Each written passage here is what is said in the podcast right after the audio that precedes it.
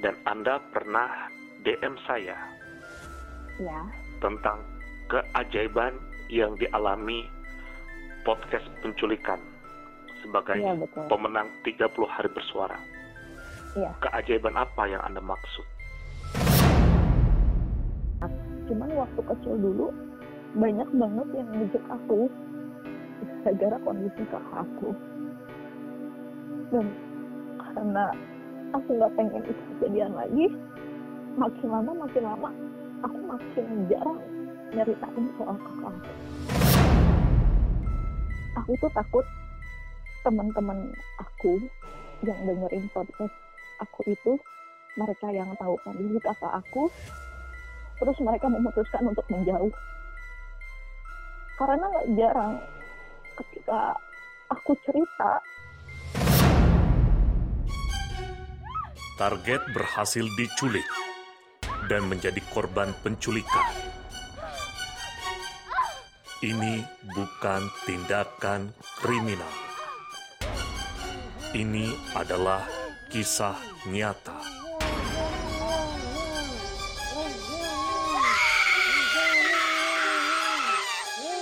Podcast Penculikan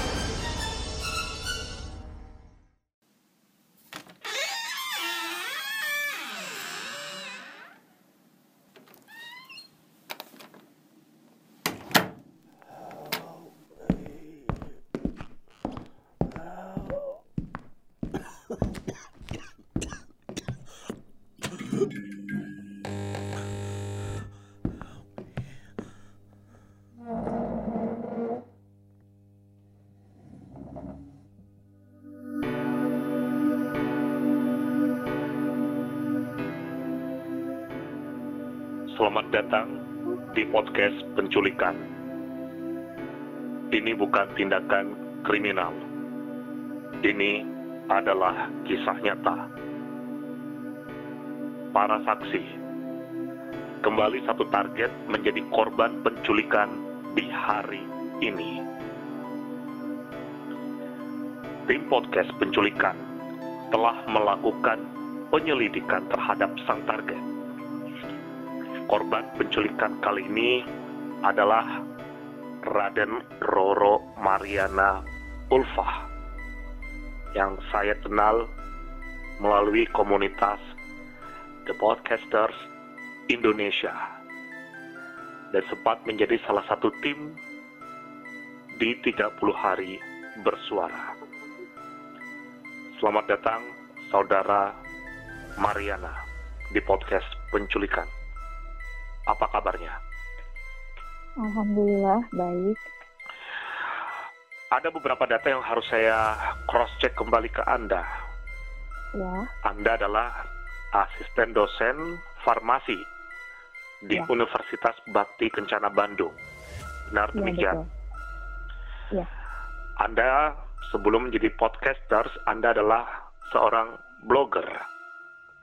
Ya. Dan Anda sekarang memiliki podcast Rencana di Bumantara. iya betul Apa arti nama tersebut?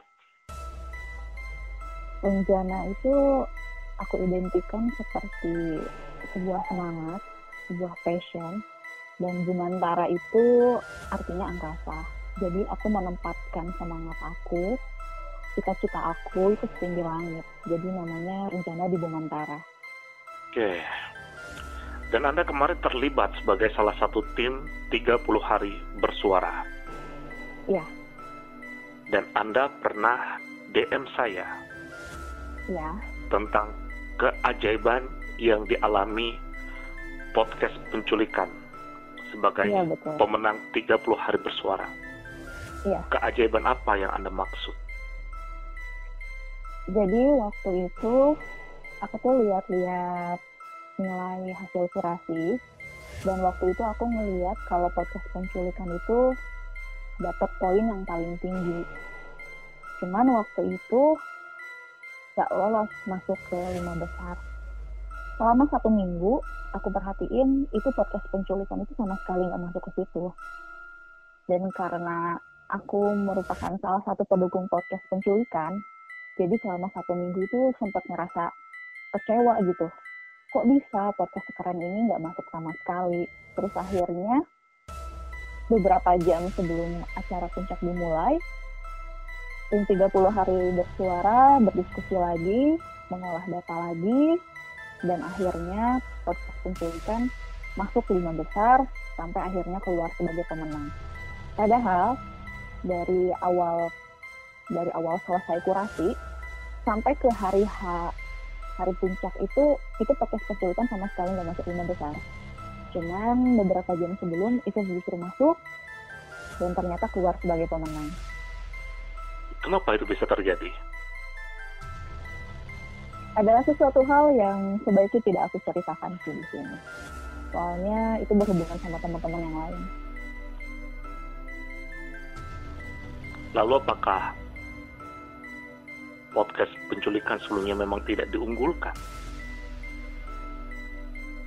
Apakah ada kesalahan teknis? itu. Sedikit kayaknya. Karena kalau setelah dikalkulasi ulang, seharusnya memang masuk. Jadi memang bisa dikatakan datanya kayak keselip gitu. Ada kesalahan teknis berarti. ya? Mm-mm. Oke. Dan waktu itu Anda sempat bilang Mm-mm. kurator podcast penculikan memberikan nilai tertinggi. Iya. Saya bertanya pada Anda, siapa kurator podcast penculikan? Sebenarnya sama kepala sukunya itu kuratornya itu kan nggak di reveal. Jadi aku rasa aku tidak berhak membocorkan juga siapa kuratornya. Dan saya sudah mendapatkan informasi bahwa Anda adalah kurator podcast penculikan. Kata Untuk itu, siapa? saya menculik Anda hari Kata ini. siapa? Saya Siapa yang bilang gitu? mendapatkan informasi valid Dari informan tersebut. Sepertinya aku tertangkap basah. Apakah Anda sekarang berani mengakuinya bahwa Anda adalah kurator dari podcast penculikan? Ya, setelah sekian minggu berkelit, tampaknya sekarang saya harus mengakui bahwa saya adalah kurator dari podcast penculikan. Kenapa Anda harus merahasiakan itu dari saya? Karena aku ngerasa kalau membocorkan, bukan membocorkan, memberitahu sesuatu pada peserta, itu ya sih jadi kayak membocorkan sesuatu gitu. Seharusnya kan aku nggak cerita apa-apa. Jadi aku sama sekali nggak bilang kalau aku kuratornya. Tapi ini acaranya sudah selesai. Iya sih. Kecuali kalau sebelum acaranya selesai, Anda tetap tutup mulut, tidak masalah bagi saya. Saya bertanya pada Anda adalah setelah acara sudah selesai. Iya. Ketika saya membaca hasil kurasi, saya hanya ingin berterima kasih bahwa Anda sudah menempatkan podcast penculikan sebagai salah satu kurasi terbaik yang Anda berikan.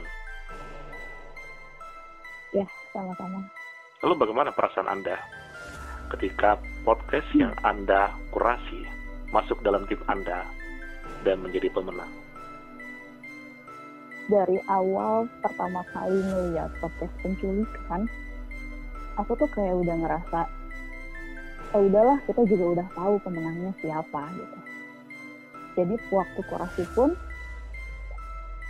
aku ngerasa nggak perlu mikir dua kali buat ngasih nilai sempurna. Dari kemasannya, dari idenya, dari editingnya, itu udah best banget.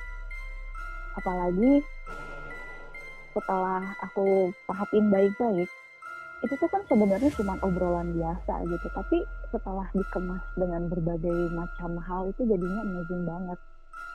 Jadi waktu itu aku langsung kasih nilai sempurna buat podcast penculikan. Cuman Sempurna sempat itu berapa? juga. Nilai maksimal yang bisa didapatkan peserta. Oke, lanjutkan lagi apa yang ingin Anda sampaikan. cuman waktu itu kan kita dapat deadline kalau nggak salah tanggal 3 Januari. Semua kurasi harus sudah selesai dan aku pun masukin nilai-nilai aku. Terus kalau nggak salah besoknya itu nama lima besar itu udah muncul. Dan aku sama sekali nggak ngeliat podcast penculikan di sana karena menyortir untuk menjadi lima besar itu bukan bagian dari tugas aku. Karena tugas aku udah selesai di situ karena tugas aku sampai kurasi aja aku ngerasa kalau aku tuh nggak berhak buat protes gitu. Toh ini kan udah bagian yang lain gitu mereka udah ngejalanin tugasnya jadi ya aku diem aja. Cuman selama satu minggu penuh itu aku ngerasa kecewa gitu. Kayak masa sih nggak ada orang lain yang ngelihat podcast penculikan kok sampai nggak bisa masuk ke lima besar gitu. Selama seminggu itu sampai kayak gitu. Sampai akhirnya beberapa jam sebelum acara puncak Mbak Ida sempat komen ini boleh nggak lima besarnya jadi kayak dipilih ulang gitu? Dan kita diskusi diskusi diskusi akhirnya datanya disorot ulang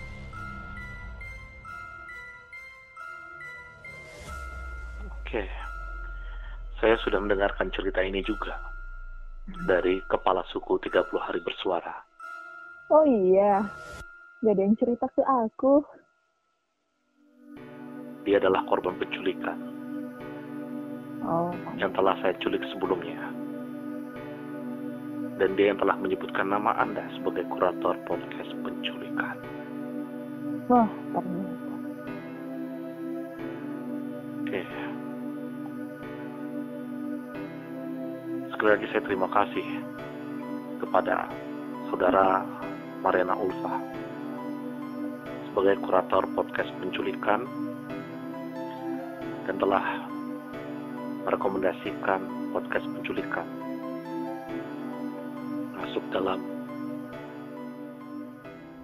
nominasi dan akhirnya terpilih menjadi pemenang 30 hari bersuara. saya juga terima kasih buat Bang Odi, buat podcast penculikan, karena telah menghadirkan sesuatu yang benar-benar baru.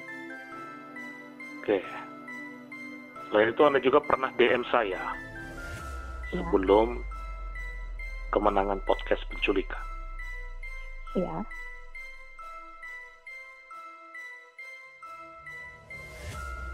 Anda? DM saya waktu saya mendampingi teman-teman difabel dan Anda bertanya apakah ada terapi untuk anggota keluarga yang memiliki anak berkebutuhan khusus. Iya. Lalu saya berusaha untuk memancing pertanyaan dan akhirnya Anda mau berbagi cerita. Kalau Anda memiliki kakak perempuan yang berkebutuhan khusus. Iya. Awalnya Anda mau Anda belum terbuka akan hal ini dan Anda waktu itu cerita sekarang saya ingin membuka cerita tersebut. Dan waktu itu saya diarahkan mendengarkan episode keluarga di podcast Rencana di Bumantara. Iya. Apa yang akhirnya membuat Anda untuk berani membuka diri, berbagi cerita tentang kehidupan kakak perempuan Anda? Aku tuh punya teman. Teman aku tuh punya anak dan anaknya itu berkebutuhan khusus. Tapi teman aku tuh sama sekali nggak ngerasa malu atau minder atau merasa ada yang perlu disesalin dengan kondisi anaknya. Dari kecil anaknya itu selalu dibimbing masuk ke kalau nggak salah SD-nya SD khusus tapi dari postingan-postingan dia di Instagram aku tuh jadi suka diem-diem memperhatikan anaknya ini. Anaknya ini kelihatannya tidak terlalu masalah dengan bersosialisasi. Meskipun memang ada beberapa hal yang kita bisa dibilang itu memang perilaku khasnya anak-anak berkebutuhan khusus. Tapi anaknya temanku ini bersikap seolah dia tuh bener-bener normal aja. Dan yang paling salut buat aku anaknya ini jago baca Al-Quran. Bahkan di bulan Ramadan pun dia berhasil hatam dan itu nggak cuma sekali berkali-kali. Itu anaknya waktu itu masih SD dan bahkan waktu dia libur sekolah pun anaknya ini pamit ke masjid dan minta itikaf. Dan selama di masjid dia tuh baca Al-Quran terus. Di situ aku ngerasa tertolong.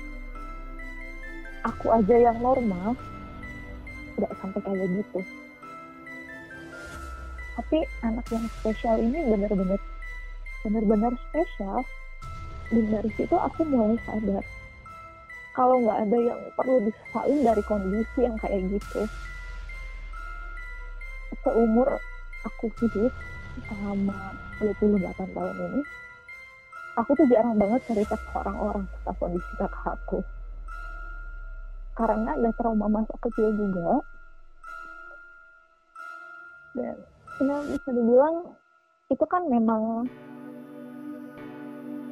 hasil pemikiran anak-anak cuman waktu kecil dulu banyak banget yang ngejek aku. Gara-gara kondisi kakak aku.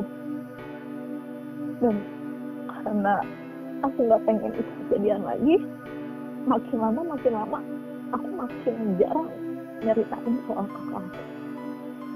Kebanyakan yang tahu itu cuma mereka-mereka yang pernah ke rumah. Tapi sebelumnya nggak pernah tahu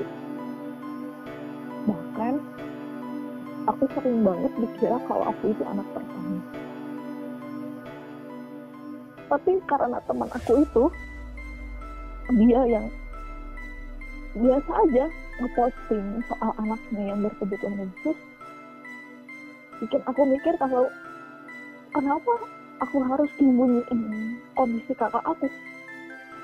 Sedangkan teman aku aja dia bisa dengan bangganya nunjukin ke dunia kalau anak berkebutuhan khusus itu adalah anak yang spesial. Jadi karena dia, akhirnya aku mulai memberanikan diri buat cerita. Dan aku mulai cerita itu, cerita soal kakak aku, di podcast aku yang episode keluarga di 30 hari bersuara. Seperti apa hubungan kamu dan kakakmu saat ini? Ketika kamu sudah mulai berani untuk membuka cerita tentang kehidupan kakakmu yang spesial. Sebenarnya nggak ada bedanya. Ya, ah, Bang Odi juga pasti tahu lah gimana rasanya punya hubungan dengan seseorang yang spesial ini kan cuman setelah aku akhirnya berani ngomong aku mulai belajar kalau ya udahlah. Oh emang harusnya kayak gini. Ngapain gue disembunyiin? Disembunyiin atau enggak juga? Kenyataannya nggak bakalan berubah. Cuman sempat terbesit rasa takut. Aku tuh takut teman-teman aku yang dengerin podcast aku itu mereka yang tahu kondisi kakak aku terus mereka memutuskan untuk menjauh. Karena nggak jarang ketika aku cerita mereka itu jadi kayak kehilangan kata-kata aja buat ngomong. Selama ini aku tuh selalu selalu tahu kalau aku tuh cuma bisa cerita soal kakak aku itu ke orang-orang yang memang tahu gimana rasanya. Makanya waktu Bang Odi bikin status soal teman-teman yang disable, aku berani buat ngomong ke Bang Odi. Karena aku tahu, Bang Odi juga tahu rasanya kayak gimana. Tapi dengan aku ngomong di podcast, aku tuh jadi kayak ngadepin suatu tantangan. Kita lihat nih, orang-orang bakal nerima apa enggak. Karena di kantor pun begitu. Ada satu orang temanku di kantor yang anaknya juga berkebutuhan khusus. Dia cuma ceritanya sama dua orang aja. Sama aku dan seorang temanku juga yang anaknya juga sama-sama spesial. Dan dia sama sekali nggak cerita ke orang lain. Karena kebanyakan orang menunjukkan sikap seperti penolakan apa pun yang sebenarnya dimaksudkan oleh dia sebenarnya tapi orang-orang itu jadi kayak nolak aja gitu. Tapi sekarang ya aku berusaha buat katakanlah bodo amat sama omongan orang-orang. Aku cuma pengen cerita ini loh kakak aku ini loh kehidupan yang aku jalani. Dan kalau kamu nggak bisa menerima kondisi aku kondisi kakak aku silahkan aku nggak akan berusaha buat bikin orang-orang ngerti soal itu berarti rasa trauma yang anda alami di waktu masa kecil dulu ketika Anda diejek oleh teman-teman karena memiliki seorang kakak yang spesial sudah menghilang dari pemikiran Anda. Apakah bisa ya. dikatakan demikian? Bisa dibilang kayak gitu. Jadi sekarang perasaan aku perlahan mulai ya udahlah ngapain sih masih pemikiran orang yang penting aku tetap bahagia dengan kehidupan aku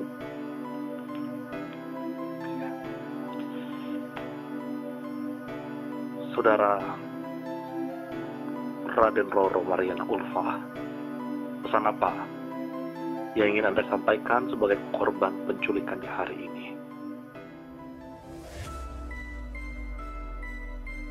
Aku nggak nyangka bisa dibikin nangis kayak gini.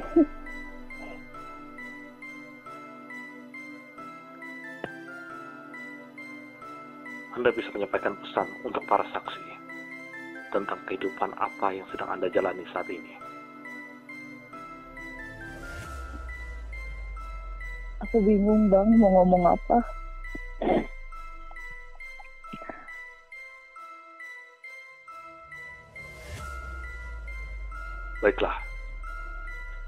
Terima kasih.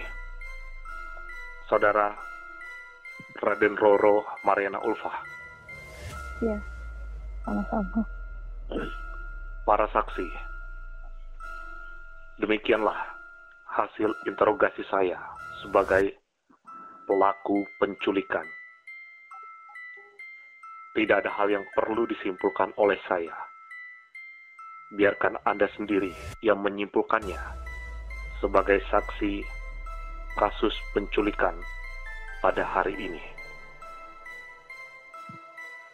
hati-hati dan waspada.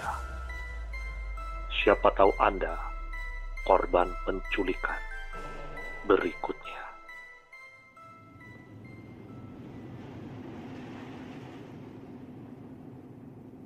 Terima kasih telah menjadi saksi kasus penculikan kali ini.